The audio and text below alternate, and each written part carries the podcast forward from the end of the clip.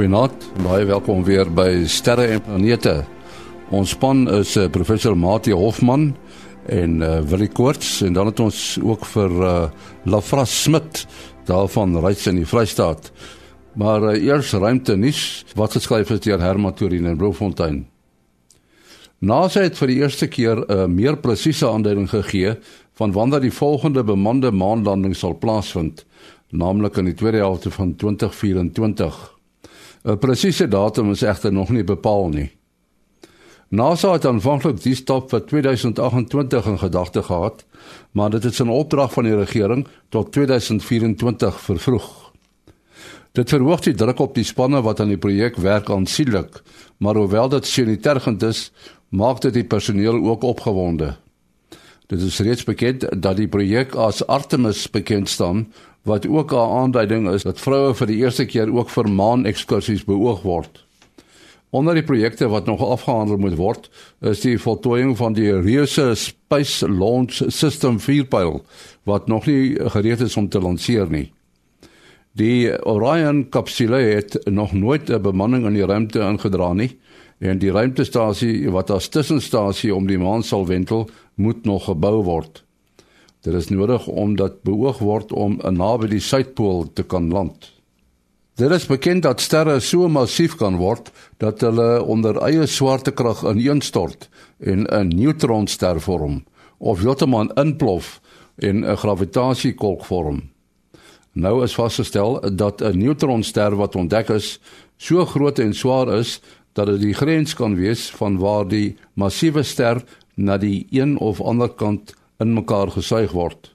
Die ster J0740 + 6620 het 'n 2,17 keer die massa van ons son, maar is in 'n sfeer van 30 km in deursnee saamgepers.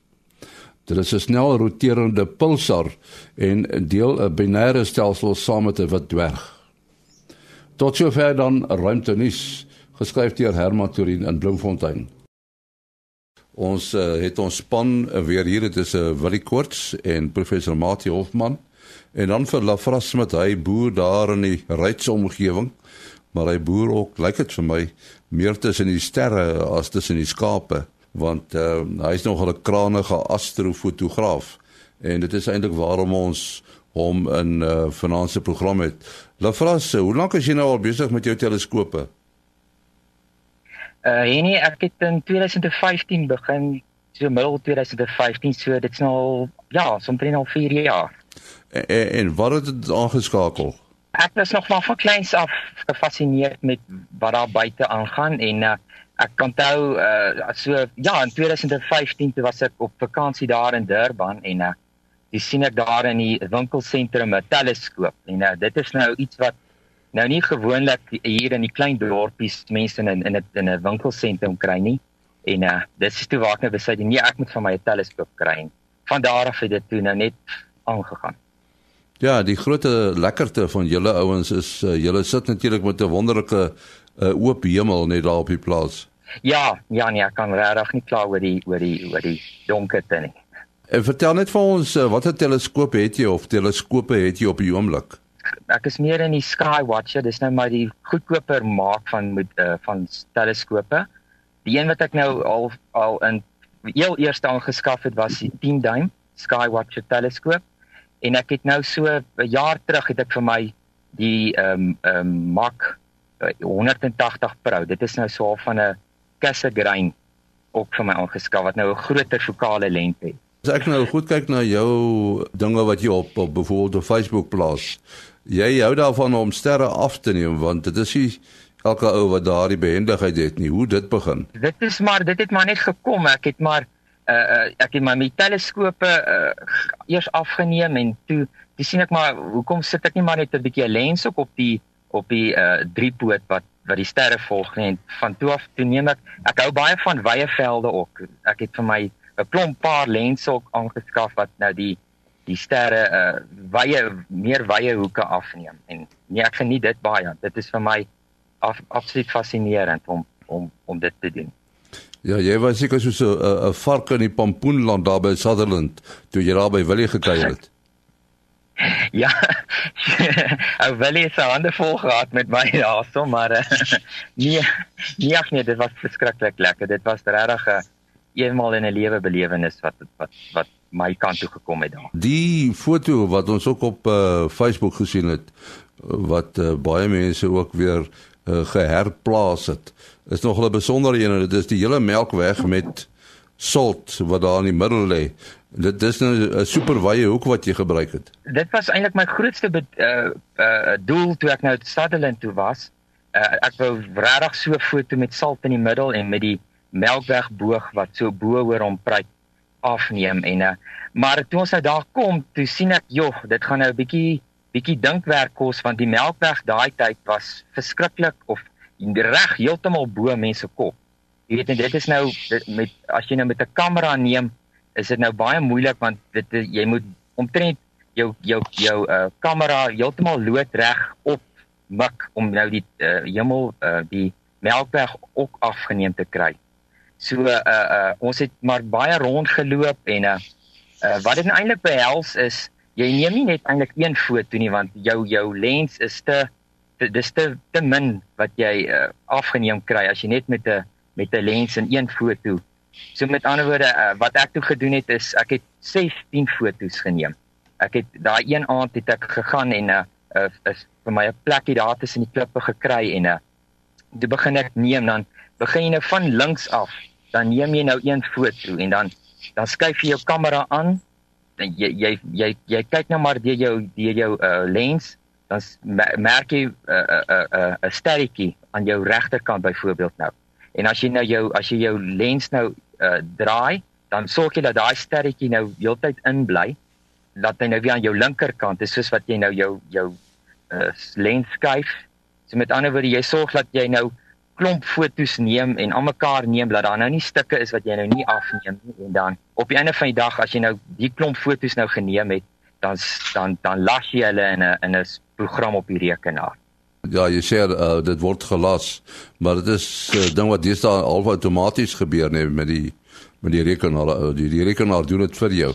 Ja, ja, ja, ja, nee. Ons het nogal toe ek nou die uh, die volgende dag nou die fotos vir 'n uh, op op Willie se rekenaar bekyk, toe kyk ons nou daarna en uh, hy het nou drie programme daarso gebruik wat uh, wat ons gebruik het om die fotos te las. Die een was nou van Microsoft en die jy Willie, wat was die ander twee? Dit was uh die een was Lightroom geweest en dan is die ander een Hugging uh wat, wat gratis program is. Ja. En en wat nou interessant is as jy nou elke program het sy eie uh, uh weergawe van die ding. Hy as jy as jy dit met een program by op een program gewerk het en as jy dit op op as jy ander foto's neem dan eh, werk dit op 'n ander program. So dit was nou nogal interessant om te sien hoe die goeders werk. Ja, ons vertel altyd vir mense dat uh, in die ruimte is daar nie kleur nie. Want mense kyk nou hierdie voorstellings op TV en selfs nou op jou foto's is daar kleur wat mense kan sien so byvoorbeeld die ene van die Orion nevel wat jy onlangs geplaas het. Waar kom die kleur vandaan? Ek dink dit ek ek ek as ek net nou was soos wat ek dit verstaan as jy nou met jou blote oog opkyk, dan is jou jou pupille van jou oë is te, te min 'n uh, 'n uh, opening om al die lig in te bring. So met 'n dis hoekom jy teleskope gebruik wat meer lig versamel na die reek, na die kamera se sensor toe en so kom die lig wat daar regtig is wat jy nie met jou blote oog kan sien nie kom dan so op 'n foto deur. En dit het ook natuurlik te doen met die samestelling van jou oog en ehm uh, miskien het mense al gehoor van die stafies en die keeltjies. Nou die keeltjies is die goed wat vir jou kleurvisie gee, maar hulle is 500 maal minder ligsensitief as die stafies en die stafies is dan jou hele oogbol uh, versprei. Uh en dit is dan ook waarmee jy hierdie uh peripheral vision sê hulle wat jy so uit jou hoek uit van jou oog kan jy sien. Maar hulle is baie meer ligsensitief. So die die die uh selfs deur 'n groot teleskoop, daar is natuurlik nou sekere van die uh sterre voorwerpe wat jy met 'n baie groot teleskoop die kleur direk kan sien, maar soos Lafras nou sê, daar's nie regtig genoeg lig om om dit te aktiveer nie waar jy, jou film uit die aard van die saak of nou natuurlik nou deesdae jou CCD of jou CMOS sensor het het is is is uh, sensitief genoeg om om dit uh, om dit te kry. Ek wil miskien net noem van 'n ander foto wat ons ook lekker daar by Lafras geleer het is um, om uh, hierdie sterstrepe. Nou uh, mense het nou al gehoor dat as jy 'n kamera op 'n tripod staan maak en jy wys hom na die suide toe, maak hy sulke sirkels uh, of stersirkels dan nou uit die aard van die saak. En um, en wat dit dan beteken is dat jy 'n uh, presiese middelpunt van waar die spul draai is nogal 'n moeilike ding om om reg te kry as jy dit wil oplyn met 'n uh, kerktoring of in die geval die die die die die kalibrasie toring van salt. En uh, en dit la, la vir ons 'n baie oulike maniertjie daar gewys hoe ons kon te werk gaan om daai presiese punt te kry en om op 'n presiese regte plek te plaas. Lafras het ook 'n uh, so 'n soort foto daarvan sy plaas afgeneem wat mens sou kon laat glo dat die windpop op sy plaas die middel van die heelal is waar hy nou die die wiel van die windpop reg voor die hemelpool gehad het. Dit was nogal baie mooi skouspelagtig. Ek wil net vinnig spring na 'n uh, eh, ander onderwerp toe en uh, ons het al in die program gepraat oor ja, is dit nou 'n asteroïde of uh, wat is dit presies? Oumuamua. Uh, maar nou sê hulle daar's 'n soortgelyke voorwerp opgespoor. Hulle noem hom Oumuamua 2. Weet jy iets daarvan, Mati? Nee, nee, ja, ek is bly hulle gee vir hierdie uh hemelvoorwerpe ook uh, naam in die vorm van syfers want mense sukkel nogal met die uh uitsprake. Uh in elk geval sy sy formele aanduiding is C2019Q4 Borisov. Nou dit verwys nou na die uh ontdekker uh Gennady Borisov van Crimea uh wat voorwerp op 30 Augustus ontdek het. Die hulle verwys nou uh, nommer 2 want die uh hulle vermoed dat dit 'n voorwerp is wat tussen die sterre beweeg. Met ander woorde wat nie aan ons sonnestelsel behoort nie wat hier deur nou hier deur ons sonnestelsel beweeg. Uh soortgelyk aan die nommer 1 wat in 2017 hier verby was. En daardie een het 'n baie vreemde voorwerp gehad, baie langwerpig en hulle kon nie ondubbelsinnig bepaal of dit 'n komeet was nie, maar hy het een uh, kenmerk gehad wat soortgelyk was aan wat mense van 'n komeet met die sogenaamde outgassing wat uh weens die hitte van die son as hy naby die son kom, dan het hy uh, spuite wat materiaal uitskiet uh wat kan veroorsaak dat hy versnel in plaas van spoed verminder wanneer hy van die son af weg beweeg. Mens verwag mos nou die son moet hom rem, dit trek hom terug. Uh maar daar was geen uitgassing vir uh die nommer 1 uh waargeneem nie. Nou die uh, nommer 2, ek sien nou op die 14 September uh uh nuusvrystelling het hulle met 'n uh, teleskoop, uh, die Gemini North teleskoop kon hulle onderbesinnig aantoon dat dit wel 'n komeet is. Hy is nog baie ver, maar hy het al 'n hy het al 'n stert. In elk geval die die die rede kom hulle dink hy kom van buite die sonnestel is dat sy baan is hiper uh, is hiperbolies. Uh so dit is nie 'n geslote baan in die vorm van 'n ellips nie. Die geslote bane het die son by die een fokus uh en daar's genoeg baandata bekend lyk my dat hulle kon reeds uh binne die al minder as 2 weke kon hulle bepak graad genoeg die baan bepaal. Ja, miskien net 'n oulike verskil tussen die twee wat wat nou uh, goed is in hierdie geval.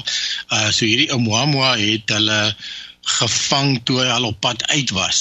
So uh, dit wil sê weg van hom besig om weg vanaf ons te beweeg en en uh, die baanbepaling en so het dit natuurlik nou afhang van die observasies wat hulle kon doen daarvan af.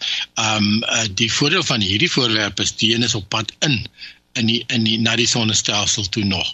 So dit dit is nou eintlik 'n baie lekker geleentheid om die baan mooi te bepaal en dan uh, allerhande uh, studies te maak op die onder, op op hierdie voorwerp.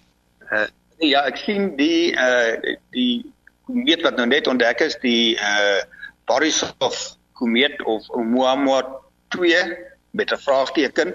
Uh gaan op sy naaste maar so 300 miljoen kilometer aan die son kom terwyl Oumuamua nommer 1 het uh, tot so naby 38 miljoen kilometer uh, gekom alhoewel hy nou eers raak gesien is toe hy begin wegbeweeg het maar dit kan ons nou uit die baan uit terug kalkuleer om te sien waar langs, langs watter pad het hy gekom Ja, dan vra jy jy's nou 'n ou wat uh, baie na sterre kyk. Het jy ook na komete al gekyk? Ja, ek het uh, al 'n paar komete afgeneem. Um, nou die onlangste een was daai 47 Hoortaart, Hoortaarten dink ek, wat daar naby die bly uh, die sewe susters was.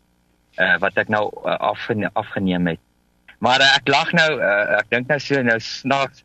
Uh, net gister het ek vir Willie 'n foto gestuur wat ek met 'n lens geneem het en uh, toe dog ek nee, dit is nou 'n 'n nie nie geontdekte komeet, maar op 'n of ander dag toe was dit net 'n 'n 'n lens flare so. Mense ja, ja, ja, want ja, dit ja. was dit dit het nogal regtig soos 'n 'n komeet is mos baie maal groen uh, en dan lê hierdie groen skynsel en en dit het regtig soos 'n komeet gelyk en en en ongelukkig is daar toe 'n bietjie 'n rooi skynsel langs hom en en en as jy mooi gaan kyk sit hy presies simmetries oor die middel van die foto met Jupiter aan die een kant en hierdie weerkaatsing aan die ander kant. So amper het ons nou 'n komeet smit gehad. Ja, eh, 'n ander ding wat vir my interessant is is dat ek sien daar so ouens wat beweer dat uh, die uh, aarde se baan om die son so 'n bietjie ellipsvormig en dat dit in 'n sekere sin verantwoordelik is vir uh, klimaatsverandering. Ek weet nie of jy daarop wil kommentaar lewer nie, Mati. Uh, Henny, as ek daar op kommentaar lewer, kan ek my kop in 'n bynes uh steek. Uh kyk daar die teorie kom al 'n hele rukkie terug, maar die die persentasie verskil tussen die uh tussen die naaste punt en die verste punt van die son is nie so baie nie. Uh, dit verklaar in elk geval beslis nie uh die seisoene nie, nee. Hoekom dit nou een seisoen waardeer is 'n ander nie, want dan moes dit die hele aarde gelyk geraak het. Uh, uh ek is so 'n bietjie skepties of jy nou alles in klimaatsverandering daaraan sal kan toewys. Dit kan miskien 'n bydraende faktor wees. Ek sou eerder groter uh bydraes tot klimaatsverandering en die aktiwiteit van die son gaan soek as in die uh vorm van die aarde se se baan en natuurlik moet jy ook wel altyd erns maak met die die bydra wat die mens lewer. Uh ek is heeltemal ook vir oortuiging oor die relatiewe bydra van hierdie verskillende uh faktore. Uh mens moet maar uiteindelik jou standpunt gaan grond op harde data en goeie modelle. Uh daar word dit word voorgegee dat daar 'n breë konsensus is. Ehm um, ek is nie heeltemal seker hoe breed daai konsensus is oor die relatiewe bydrae nie. Die die die daar is baie emosionele verskille daaroor, maar dit is nou nie my my veldgebied dat ek nou gesaghebend daaroor op hierdie stadium 'n standpunt gaan uh uitspreek nie. Uh, ja, ek kan miskien byvoeg ek het uh, op bietjie gaan kyk en en daar is nogal 'n langtermyn uh verandering soos jy gesê het hyde op die huidige stadium is dit maar iets soos 2% en en uh toevallig is die son ons ons die naaste aan die son wanneer dit somer is by ons. Maar dit gaan nie daai verskil maak nie want uh, dit wil sê in die noordelike halfrond somer is hulle uh, weer 2% verder van die son af. So dit dit is nie die verskil nie maar daar is 'n daar's 'n sikliese daar's twee periodes wat wat ek raak gelees het. Die een is omtrent so 100 000 jaar en die ander een is 413 000 jaar. Nou op die oomblik is ons eccentricity 0.017 afgerond. Uh en en uh met die 100 000 jaar periode is dit 0.005 tot 0.06. So op die oomblik is ons net om te herinner ons is 0.017 op die oomblik. So uh um maar dit is natuurlik goed wat met baie baie lang periodes werk en uh, definitief nie ons huidige skielike verandering in in klimaat uh, verduidelik nie. Ons moet ook gesels oor 'n uh, brief wat ons van 'n luisteraar gekry het. Dis uh, Hendrik Tron en uh, hy het probleme met die uh, oerknal en die ruimte waar binne dit plaasgevind het en ook of daar 'n middelpunt is vir die oerknal en hy sê daar moes iets gewees het waarin die knal plaasgevind het. Nou weet ek nie uh Mati wil jy jou waarvan 'n uh, verklaring? Uh en ja, mens lê partykeer so op jou rug op jou bed en dan dink jy nou oor konsepte soos leerruimte. In die fisika het ons geleer om in die fisika in te sluit wat waargeneem en gemeet kan word. So niemand het nog leerruimte in daai sin van dit wat bestaan het voor die heelal waargeneem uh of nog minder gemeet nie. Dit is 'n konsep. So dit is nie sommer uitgemaakte saak dat dit deel van die fisika kan wees. Die mens moet maar uiteindelik gaan kyk wat waarmee kom die fisika vorendag. Nou die studie van die heelal se geskiedenis dui daarop dat alles wat van die heelal waargeneem kan word tot die hele waarneembare heelal en die waarneembare heelal word groter want elke jaar kom lig wat nog verder is kom by ons by. En daardie hele heelal is in termiese ewewig met baie klein fluktuasies. As daar nou 'n leerruimte buite om was, dan sou daar sou dit nie so gewees het dat alles in termiese ewewig was nie, want daar op die rand sou die, ewewig uh, versteur gewees het. So die aanduidings is dat daar waar die heelal is, daar is ruimte. Daar waar materie is, daar is ruimte. Die die, die een is nog nie sonder die ander waargeneem nie en dit kan nog minder in 'n teorie en kosmologiese modelle in uh ingebou word. So wat die fisika betref, is daar geen fisiese heelal voor die oorsprong van die heelal en dan ook nie ruimte nie. Dit het alles saam. Wat met die oerknal gebeur het, is nie uh, dit het wel die, uh, ons nou al by 'n vorige geleentheid uh verduidelik. Dit is nie soos 'n chemiese ontploffing in die ruimte nie. Dis 'n bietjie 'n misnomer om van die Big Bang te praat. Dit is nie 'n chemiese ontploffing nie. Dit is 'n baie vinnige uitdaging van alle ruimte met dit wat daar binne in was. Miskien is 'n beter woord 'n uh, rekking elke afstand binne daardie uh, ruimte het gerek en elke golflengte binne daai ruimte het gerek. Uitdaging sou nou daardie beeldskep van dit dui uit in iets anders in. Maar alles wat bekend was wat wat die teorie iets oorkom sit, het gerek. En binne in daardie heelal, jy kan nou so twee soorte van prosesse waardeur die afstand tussen twee voorwerpe verander. Die een is die ruimte wat rek sonder dat die voorwerpe self beweeg en die ander een kan werklike beweging relatief tot die die heelal se uh, die die beste beskrywing van die heelal se agtergrond is die kosmiese agtergrondstraling wat vandag nog bestaan en dieselfde is dit kom met presies dieselfde eienskappe uit alle rigtinge uit alle plekke af en daar's ook geen spesiale plek in die ruimte nie. Met ander woorde, hoe die uitdaging van die heelal van ons omgewing af lyk is presies dieselfde as wat vir enige ander plek in die heelal. So daar's nie 'n 'n middelpunt nie. Wat wel interessant is as mens na die kosmiese agtergrondstraling, dit is nou maar mikrogolfstraling wat die hele ruimte deurkruis en die dit het 'n uh, temperatuur as jy nou die die swart liggaam profiel, die golflengte teenoor intensiteit grafiek daarvan sou trek van ek nou mooi onthou maar as hierso net onder minus 270 grade Celsius so uh 2. iets Kelvin.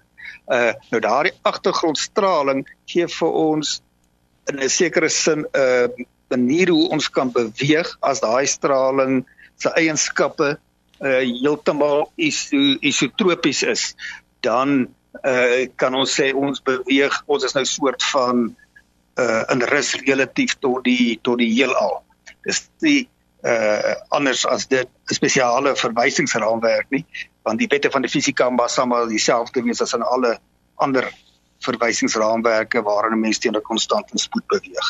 Ons moet nog gelukkig uh, haltroep daar. Wil jy besonderhede? Ja, mens kan bel SMS WhatsApp 072 45 0724579208 Lafras, ek weet nie of jy jou uh besonderhede wil gee nie as mense met jou wil skakel. Ja, hulle is welkom om uh, vir my 'n e e-pos te stuur by uh, lafras laf, lafras.smit@gmail.com. Dit is uh lafras.smit@gmail.com. En dan uh Mati 0836257154 0836257154. Uh, dan vras moet dalk net sê of daar 'n H of nie aan die einde van Smit is. Nee, dis net 'n T. Dis net 'n T. Dis 'n T. Ja, dis reg. En my e-posadres maas.henny@gmail.com. maas.henny@gmail.com. Volgende week is ons terug. Baie dankie.